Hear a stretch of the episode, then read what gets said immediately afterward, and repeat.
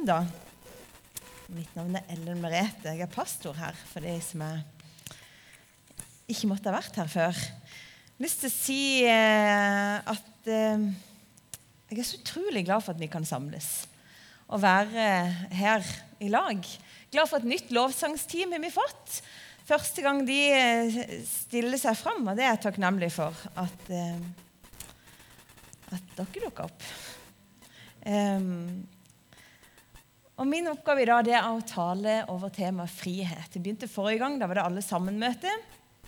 Eh, og så er det fram til påske så er liksom temaet frihet. Og da vil jeg jo si at påska er jo en slags sånn stjerne som vi ser mot der. Eh, med påskas budskap. Men ordet frihet Bra spørsmål, Sunniva. Hva tenker du når du hører ordet frihet? I 2021 så brukes det ordet ganske hyppig.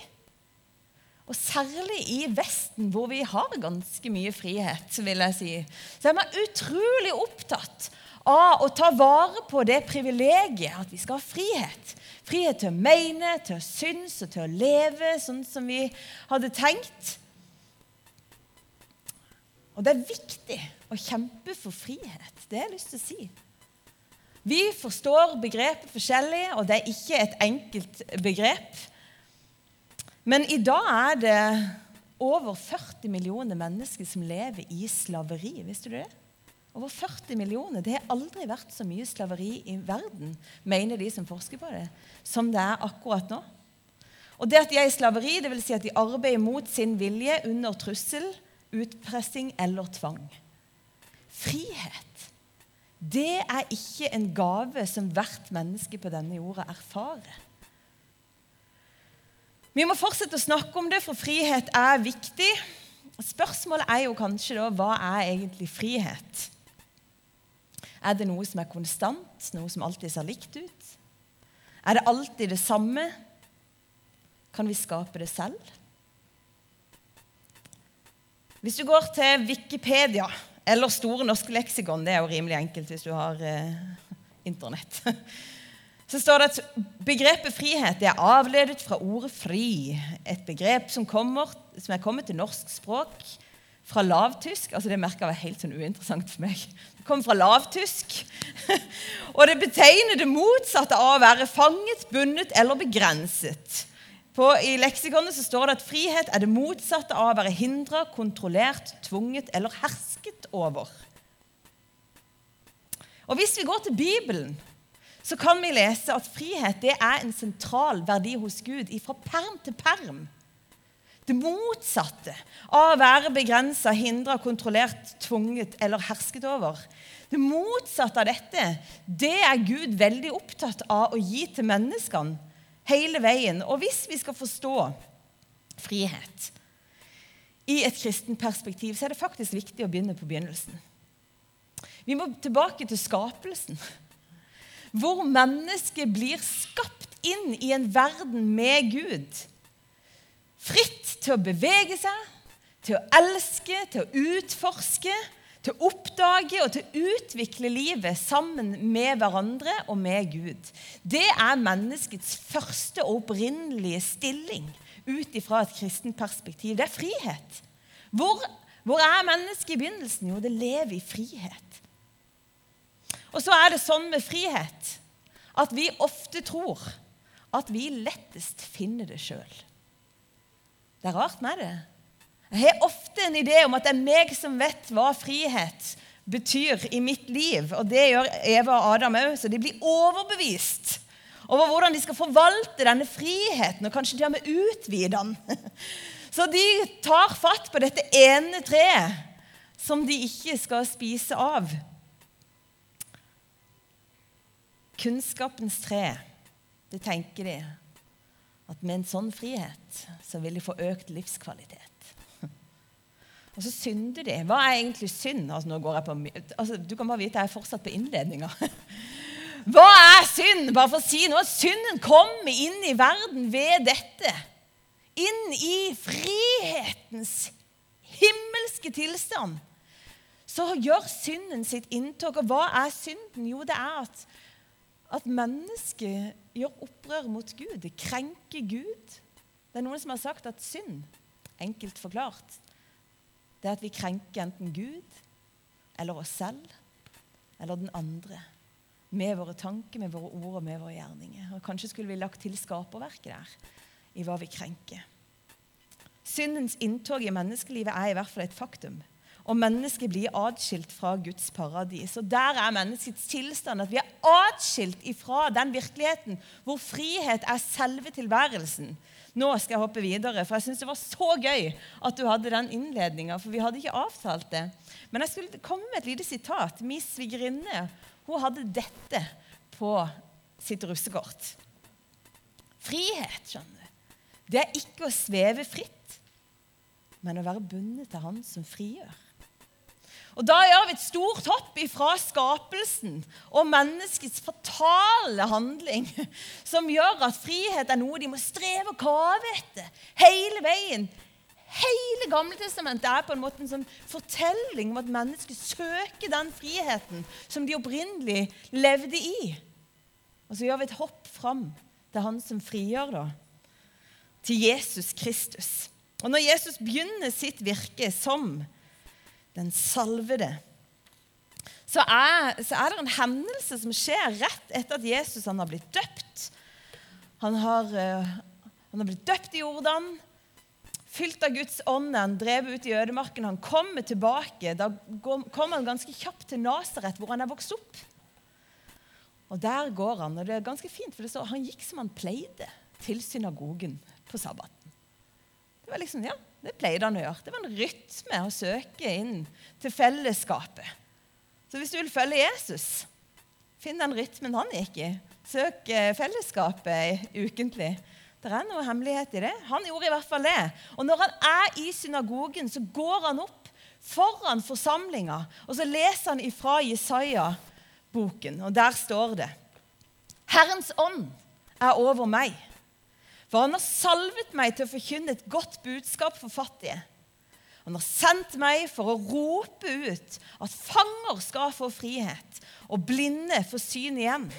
For å sette undertrykte fri og rope ut et nådens år fra Herren. Det er som om Jesus trer opp og fram foran menneskene, og så er det bare programerklæringa på hva han har tenkt å holde på med. Og det er frihet for mennesket.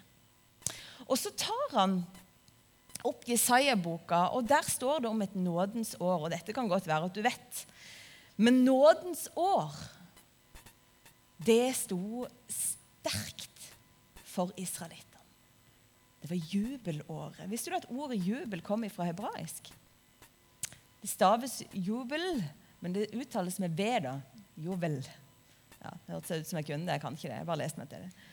Men det som i hvert fall var jubelåret, var liksom var selve året for israelittene.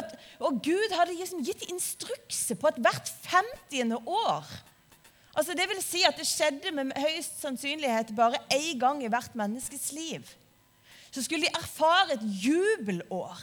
Og det jubelåret skulle vitne om Guds karakter om hvem han var, og hva som skulle kjennetegne Guds folk.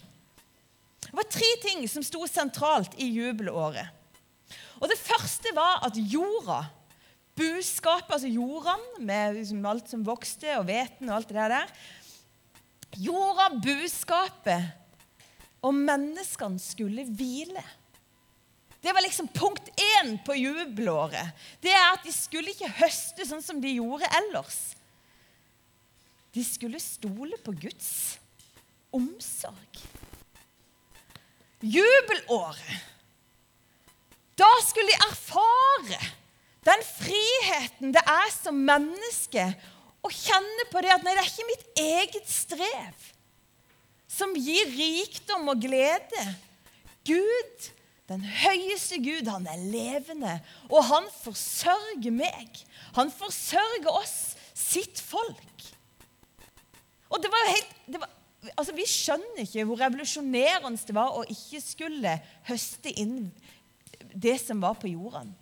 Og ikke skulle på en måte styre altså På lista der jeg kommer fra, meg og Toralf som sitter der bak vi, altså, På denne tida så gjør man seg klar. Hold deg fast, det finnes snart vår et annet sted i landet. Og da kommer det noe som vi kaller for vårånda. Og da er det liksom å få satt i gang sånn at høyet sånn Alt på en måte skal bli høsta inn til rett tid. Det det betydde for dem å la være å holde på med de tingene der, det var jo å være eller ikke være. Å være eller ikke være, for det var dette som var kapitalen. Det var dette som var livs på en måte forsikringa. Det var jo det de hadde. Og det å på en måte ta et valg på at nei, nå skal vi stole på Gud. Nå skal vi tørre å tro at det Han har sagt, det skal vi følge. Nå skal vi hvile og stole på at Han er nok. Altså, For en utfordring Gud gir dem. Det var jubelåret. Og så tenker jeg, for en frihet. For en frihet å være bundet til Han som sørger for oss, og ikke være bundet til seg sjøl. Da kan du gå litt sånn i rykk og napp etter hvor bra den der eh, innhøstinga skjer, og hvor god man er med penger, eller hvor god man er med å få det til. da. Nei. En del av Guds rike. Det er å hvile. Stole på ham. Og jeg tipper at Hvis jeg hadde spurt rundt her, så finnes det mange fortellinger om mennesker som har erfart nettopp det. At Gud har forsørga. Enten når kontoen var tom, eller når du mangla det mest essensielle for kvelden, så kom det på et eller annet forunderlig vis. Det fins mange sånne historier. Det var liksom den store punktet. Eh, punkt nummer én. At de skulle stole på Guds om, eh, omsorg. Punkt nummer to, det var Og nå ble, altså det blir verre og verre, kan du si, på en måte. Eller bedre og bedre, alt ettersom eh, hvor vi hadde vært henne som menneske. Men det som var tingen, det var at all slektseiendom som noen hadde solgt siden sist jubelår det skulle føres tilbake til sin opprinnelige eier. La meg forklare. Hvis Guro nå bruker jeg deg som eksempel her, hvis Guro eh, og meg eh, levde på den tida, så var det gjerne noen sånn jordstykker som i årtier hadde tilhørt våre slekter. og det var, vår, det var gitt oss som kapital for vår slekt. Og så var det det at jeg var kommet i et lite uføre. Jeg var ikke så god med penger. Eh, i, i historien. Nei. Jeg var ikke så god med penger, og så kjenner herrefreden er det ingenting igjen. Jeg har et jordstykke. Ja, ja, det er ganske mye verdt. Hvis jeg selger det til Guro, hun er jo stinn av gryn, så får jeg liksom noe å, å hanskes med, så jeg kan forsørge mine, og det kan gå rimelig greit. Så gjør jeg det, så selger jeg dette jordstykket. Det er jo forferdelig sårt og trist, for det er jo tilhørt hele slekta. Så det er jo litt, litt uh, sårt og vondbråtent. Det blir litt samtale ut av det en familiebordet, men du får den, jeg får pengene. Greit. På jubelåret så ble Guro utfordra til å gi det stykket som hun har kjøpt og tjent masse penger på, for det var et godt jordstykke. Må gi det tilbake til meg. Det var en helt vill greie. Hva er tingen med dette? På denne måten skulle folk lære å vise barmhjertighet. Nei, de skulle bli minnet om at de var forvaltere først og fremst av Guds eiendom. Det var ikke først og fremst sitt eget og det jordiske, det de strevde til å få tak i. Nok jord, nok penger, nok investeringer. Det var ikke det som var det viktigste. Nei, jubelåret, da gir vi tilbake. Da skal de lære å gi slipp på det som de kaver etter. Og så skal de få et annet perspektiv på at vi er med på det som er Guds business. Vi er med på det som er hans rike. Vi er først og fremst med på det han driver med i denne verden. Og det er frihet. Jeg kunne ikke dy meg på å ta meg og her. For hvis du har hatt noe med barn å gjøre de siste årene, så har du kanskje vært utsatt for frost. Let it go. Skjønner du? Det lærer folk i jubelåret. For det, det, som er tingen, det er at Gud egentlig hjelper dem, så de ikke blir sittende fast i noen sånn usunne bindinger. Guro kunne jo unnskyld, nå går det mye utover deg her, men Guro kunne jo blitt sittende fast. At, oh, det var veldig greit. God investering å kjøpe det. Sjekk om ikke det er flere som sliter litt økonomisk. At jeg kanskje kan få kjøpt det for litt lavere. Sant? Hva er det de sier? Go high, say low. Skjønner du? Man kan gjøre litt sånn der business ut av det. Så kan man bunne av ting som man egentlig ikke skal være bundet av. Plutselig så har man blitt helt stoka på å få inn nok gryn. Eller få nok eh, jeg vet ikke, altså Akademisk forfengelighet er jo tilgjengelig for oss i Norge, i hvert fall til enhver tid. Nok utdannelse. Nok, eh, nok, nok, nok. Nok å skryte av. Nok karriere. Kan jeg få nok å skilte med? Og så er jubelåret bare et sånt år hvor, hvor Gud nesten sier 'let it go'. Du skjønner, du skal ikke være bundet til det du har her. Du skal være bundet til meg. Du er bundet, Jeg ga, og han ga i sin tid israelittene det de skulle ha. Det som han visste at var nok for dem. Det som holdt. Skal vi få lov til å gi slipp på det andre. For vi kan bli så utrolig streverske. Og vi kan miste helt av syne det som egentlig betyr noe for oss.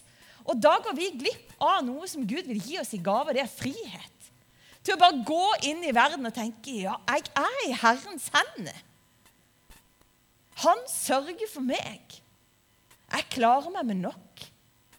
For min rikdom Det er ikke penger, det er ikke gods eller gull. Nei, nei, nei, nei, nei. Det er det han har gitt. Det er det han har inkludert meg i. Der er friheten. Og så er det det siste store punktet. Det var at alle israelitter Det var nemlig sånn at hvis jeg da Hvis jeg ikke holdt å selge jorda mi til Guro Bare sørge for at du følger med på den talen. Hvis ikke det holdt å selge jorda mi til deg men du ennå tenkte men du skylder meg du skylder meg mer. Av en eller annen grunn så hadde jeg satt meg i gjeld til Guro, så kunne jeg faktisk selge mitt eget liv. Så kunne jeg selge min egen frihet. Så kunne jeg gå inn og så si nei, men jeg skal, jeg skal, jeg skal jobbe for deg. Jeg. Var slaven din. Inntil Bare for å betale tilbake. Dette dreiv de med. De solgte mennesker. Og så skal vi huske at i 2021 så selges det flere mennesker enn de gjorde på denne tida. Så vi skal ikke bli hovmodige her. Men det var en vare. Her, menneskelivet. Og mennesket ble slave av så mange grunner. Og det blir vi jo fortsatt. Vi blir jo alle mulige slags slaver. Vi blir TV-slaver, vi blir jeg vet ikke, pengeslave, nettslave. Og så var det det at Dette jubelåret så skulle alle som hadde vært nødt til å selge seg til en annen sin tjeneste pga. fattigdom, de skulle få friheten tilbake.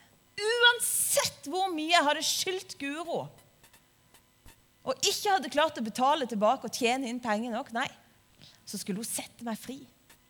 I jubelåret. Hvorfor det? Hvorfor var det så utrolig viktig? Jo, på den måten så skulle folket lære å vise barmhjertighet og respekt for menneskeverdet. Hører du at Gud bare setter en sånn strek under menneskets ukrenkelige verdi? Det var ikke bare de som hadde eid slave. De skulle huske på å ja, når Guro slipper meg, da er vi plutselig likeverdige, du og meg. Plutselig har vi lik verdi. Og det var noe som hun trengte å stadig huske på, for hun var kanskje en posisjon hvor hun hadde mye. Å huske på at den andre har lik verdi. Og så var det bare det at meg som hadde vært slave, jeg skulle òg huske på det. At jeg har lik verdi. Og få lov til å bli satt i frihet, sånn at jeg skjønner at jeg er like mye verdt som de andre. Og plutselig gå uten at noen andre kunne sjefe og bestemme over meg. Jeg vet ikke om du har blitt satt fri fra noen noen gang. Altså Satt fri er jo et ord som kristne ofte bruker som nesten, Vi sier det nærmest noe mirakuløst har skjedd. Jeg ble satt fri! Og jeg altså satt fri og satt fri, men jeg, jeg drev og røykte i mange år. Vi, altså, ble oppvokst på bygda. Begynte tidlig. og holdt på i mange år. Og det var jo gøy å røyke, og ganske godt. Og så var det bare det at det koster jo penger, og ganske skadelig. Og så opplever jeg ved at noen ber for meg Altså, Dette var jeg jo avhengig av. Altså, man kan godt ta over den der slaveriet. Altså, det, det, måtte jeg ha. Litt sånn slave under det. Nikotinslave. Ja, ja, ja. Ikke så men skjønner du, fikk jeg lov til å erfare hvordan det var å ikke måtte ha røyk hver dag. Det var veldig frihet. Først var det veldig stress. Så la jeg på meg ti kilo. Og så fikk jeg likevel erfare hvilken frihet det er. Hvilken frihet det er. Å få lov til å slippe å måtte tenke på at noe skal ha makt over meg, at det er noe, må, må, noe som holder meg fast på en eller annen måte. Noe som skader meg. Det var kanskje et fattig eksempel, i og med at noen lever uten frihet overhodet. Men det at de skulle sette fange fri fra det som holdt de fast, det minner hele folket om at alle er like for Gud. Du har en ukrenkelig verdi. Jubelåret var et helt fantastisk år. Og Nå skal jeg si noe som er trist. Det som er litt trist, det er at historikere og teologer har ganske stor enighet om at jubelåret aldri ble helt praktisert til fulle. Er ikke det forferdelig? Her har Gud invitert. Det skal være et jubelår, et festår, hvor dere skal få se mitt rike, erfare min omsorg, kjenne og oppleve hvordan jeg bryr meg. Dere skal slippe å være bundet av det jordiske, og dere skal erfare og kjenne hvor like mye verdt dere er for meg. Og så blir det for vanskelig. Så klarer de det delvis. Og så klarer de det med seremonier. Men å ta det ordentlig inn over seg i hele livet, det er vanskelig. Og sånn er det med frihet. Og sånn er det med Guds gave, at det kan være vanskelig for oss. Vi kan bli kjempebegeistra når vi leser det, og kjempebegeistra når noen preiker over det, og tenker at for en Gud! Og så skal jeg plutselig ta det inn i livet mitt. Og så var det litt greit å ha slave og eie noen jordstykker ekstra. Det var jo litt sånn der eh, penger å tjene og en sydentur der. Ja. Og så var det litt sånn greit å føle seg litt bedre enn noen andre. Og så var det jo helt umulig å, slutte, altså, å sette seg sjøl fri når jeg først var slave, så det fikk jeg jo ikke til. Skjønner du? Så tviholder man på tilstanden. Hva, når jeg tenker på hva tror jeg egentlig at det handler om? Men det må jo handle om tillit, da. Men nå står i hvert fall Jesus i synagogen og har lest opp om dette jubelåret, hvilken frihet som fins, og så sier han i dag er dette skriftordet blitt oppfylt mens dere hørte på. For en programerklæring han egentlig sier og gir. Han er bare så tydelig i dag, og det han egentlig sier, at i meg Eller i meg, hvis det var vanskelig i dialekt. I meg så er det oppfylt. Dette er det jeg har kommet for å gi. Omsorg, Guds omsorg. Du skal få hvile. Jeg skal gi deg frihet ifra det som binder og tynger livet ditt, og som gjør at du strever. Og jeg skal sette deg fri ifra slaveriet som holder deg tilbake.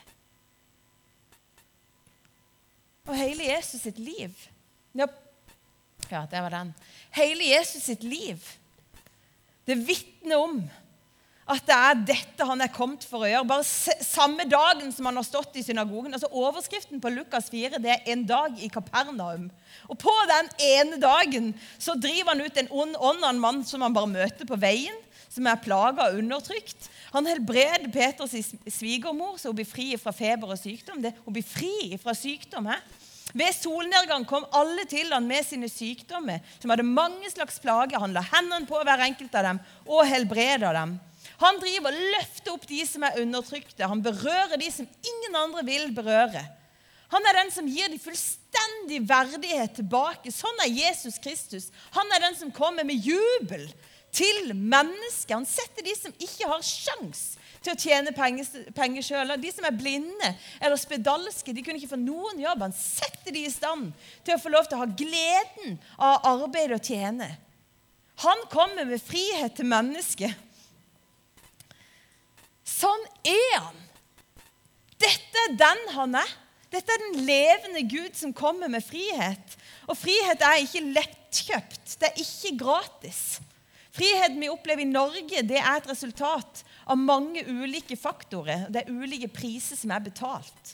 Og noen ga livet sitt i andre verdenskrig for at vi skulle fortsette å leve i frihet fra tysk okkupasjon. Og det er veldig nydelig. Jeg har to besteforeldre som var barn på den tida der. Og når jeg var hjemme hos de rett før jul, så snakka vi litt om det. Det er klart at de, det, det, er gøy å høre på, og det er gøy for de å fortelle. Og så spør de liksom, hvordan var frigjøringstida. Hvordan var det når tyskerne rygga ut. Og så sier mormor noe så utrolig. Det var som et stort, svart bånd. Som vi egentlig nesten ikke visste at hadde ligget der. Altså, hun hadde jo vært ei bitte lita jente, hun kjente ikke til en annen virkelighet engang. Det var som et stort, svart bånd. Det bare slapp taket. Det bare slapp taket. Og så var gleden plutselig tilgjengelig, og livet begynte å virke igjen. Sånn opplevdes den friheten vår. Han kosta dyrt for mange mennesker. Vår dypeste frihet den som bare Gud kan gi i Jesus Kristus, den koster òg dyrt. Den koster livet. Jesu død er betalinga for vår frihet. Det er korset. Og Det står i Hebreerne 9,12 at ikke ved blod av bukke og kalve, men ved sitt eget blod gikk han inn i helligdommen en gang for alle. Han kjøpte oss fri for evig. Jesu blod er prisen for vår frihet, og i Jesu blod så ligger vår frihet. Og dette må jeg bare få sagt, sånn at alle får hørt det, at når vi tar imot Jesus, så blir vi kobla på det blodet. Da blir vi kobla på den gjerninga der. Han har betalt vår synd, vår synd og vår skyld. Og vi blir på en måte kobla på det jubelåret som bor i han. For vet du hva det står? Vi blir en del av hans kropp. Og hans blod, hans jubelblod og tilstand, det flyter i hele hans kropp, som er hans menighet, som er oss. Hans legeme. Vi har fått friheten tilgjengelig i Jesus Kristus. For en glede det er. Og Jeg spurte min søster og nå går jeg mot avslutning hvis du var bekymra, men jeg spurte min søster hva hun tenkte når jeg sier ordet frihet. Godt spørsmål. Hva tenker du når du hører ordet frihet? Så sier hun jeg tenker først på hva jeg er fri ifra. Hva er det som har bundet meg? Og det kan jo være forskjellige ting for alle oss. Det som binder oss, kan jo være konkrete ting. Det kan være penger. Sant? At du sliter sånn som jeg gjør om å selge noe jordstykke til Guro. Det kan være sånne ting som gjør at vi kjenner at vi er bundet. Det kan være fysiske ting. Vi kan være bundet vi kan være avhengig av nettsider, vi kan være avhengig av røyk eller alkohol. Alle de tingene der. Vi kan være forfengelige. Og så kan vi være bundet av vanskelige tanker. Og vi kan være bundet av historier og andre sine tanker om oss, eller det vi tror at de tenker om oss. I hvert fall så sier hun at når jeg tenker på frihet, så tenker jeg på å bli satt fri fra det som har bundet meg. Og så tenker jeg på at jeg ikke trenger å være innkrøket i meg sjøl. Augustin han sa det. Mennesket er innkrøket i seg selv. Og plutselig bare kjenner at nei Ifra å være der hvor du bare ser din egen tilstand wow, Frihet til å leve og til å være og til å tørre å ta fatt. Og så sier hun når jeg tenker på frihet, så tenker jeg på å ha en lett pust. Og kjenner at det er faktisk ganske lett å puste. Og lett å bevege meg. Så sier hun til slutt jeg tenker på et fritt barn. Hallo, her er jeg. Det er deilig når de er sånn. Hallo, er ikke du glad for å se meg? Tenk å gå fram med den friheten der at du tenker at du har en verdi bare fordi du er til. Det er fantastisk. Sant? Og så er det nesten sånn men kan vi tenke, det vi som er voksne folk i dette flotte landet. Det er jo så mye alvor. Ja, Men det kan du vel! Du er skapt og forma av Gud. Han har jo skapt deg med en hensikt. Han liker deg så godt at han har latt sitt liv flyte i deg. Det er klart du kan gå fram med lave skuldre og lett pust og kjenne at du har noe å gi. Så kan det være da at du tenker Nei, hør nå her. Jeg har lang erfaring. Jeg har trodd på korset hele mitt liv Jeg har alltid vært kristen. Eller i hvert fall lenge. Og Kanskje er det sånn at du tenker jeg har ikke kjent noe særlig på den friheten som alle snakker om. Jeg har ikke erfart Guds omsorg og hvilen hos Han. Jeg har ikke opplevd å få noe særlig perspektiv på livet mitt eller meninga med livet. Jeg har ikke opplevd begeistring verken over Guds rike, fellesskapet i Han eller over mitt eget liv. Jeg har ikke opplevd når andre snakker om å bli satt i frihet da vil jeg minne deg om hvis du kan kjenne deg igjen i det, så vil jeg minne deg om en ekstremt viktig bit i fortellinga. Det første er jo det jeg har sagt, prisen for din frihet den er betalt. Og det er litt som når mamma, altså Min mamma hun går og kjøper et eller annet til meg, så er jo ikke jeg der. Altså, hun, nei, hun har betalt. Hun har trukket kortet. skjønner du. Jesus har trukket kortet. Han har betalt prisen. Ikke kort, men kropp. Det skjedde ved et historisk faktum for 2000 år siden. Der ble synda di sona. Og friheten til å kunne leve i den opprinnelige tilstanden, den ble kjøpt. Men så skjer den tredje dagen at Den hellige ånd reiser Jesus Kristus opp fra de døde. Og her er det nøkkel. For hvis ikke du får med deg dette, så går du glipp av gleden. Du går glipp av jubelen, om du vil. Jesus har overvunnet døden. Han drar tilbake til far. Men hva er det han etterlater oss? Ikke farløse. Han sier dette er det beste for dere, at jeg drar. For da kan dere ta imot Han som kommer. Det er talsmannen, det er Den hellige ånd. Han skal overbevise dere om alt jeg har sagt. Den hellige ånd sin oppgave er å fylle oss med alt det Jesus er, så vi kan kjenne at jubelen når oss. Hva er hans oppgave? Han skal levendegjøre gudslivet for oss. Det står I 2. Korinterne at Herren, det er Ånden. Og hvor Herrens ånd er, der er det frihet. Fylt av ånden, står det, at Jesus kom tilbake fra ørkenen og begynner å snakke om at Herrens ånd er over meg. Derfor er det frihet. Det er i Den hellige ånd. Og det tror jeg vi kan glemme. Og vi skal ikke slutte å prise Jesus for korset, for der gjorde han det mulig. Men vi skal, om vi må, kanskje koble oss enda mer på ham, som er gitt oss, Den hellige ånd, som har frihet for hver enkelt. For tanken min, for livet mitt. Så ikke jeg er her nede og strever, men jeg lever i det himmelske som han har gitt. Det er ikke et annet sted. Det er i denne verden. Men det er med Gud.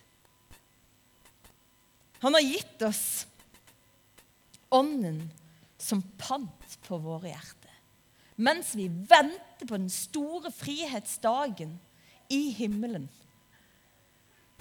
så har Ånden blitt lagt i oss som en sånn forsmak på det himmelske livet. Og nå er ferdig, men jeg skal si det. Vi skal ha to lovsanger nå. Og Jeg har lyst til å oppmuntre deg til å benytte den tida til å si, 'Herre, fyll meg med din ånd'. Du vet hva du trenger frihet fra. Og kanskje er det sånn at Den hellige ånd skal minne deg på noen ting som du kan få lov til å erfare enda mer frihet ifra. Og jeg, jeg tenker bare at for en gave som er gitt oss. Nå skal vi bruke tid i det. Jesus, jeg takker deg for det. Du har kjøpt oss så dyrt. Du har betalt prisen for våre liv og for vår frihet. Jeg priser deg for at du har kommet for å gi oss nåde og glede Hjelp oss til å se hva det betyr å leve med deg. Hva det betyr å leve et liv i frihet. Når vi sier at du er frihetens konge, Herre, vis oss hva det betyr. Så kjenner du hver enkelt, og du vet hva vi trenger for å kunne tre inn i det livet som du har kjøpt for oss. Hellige Ånd, akkurat nå vil jeg be deg om å fylle oss med din sannhet, med ditt nærvær. La oss få lov til å kjenne det på innsida at livet i Kristus er levende. I Jesu navn. Amen.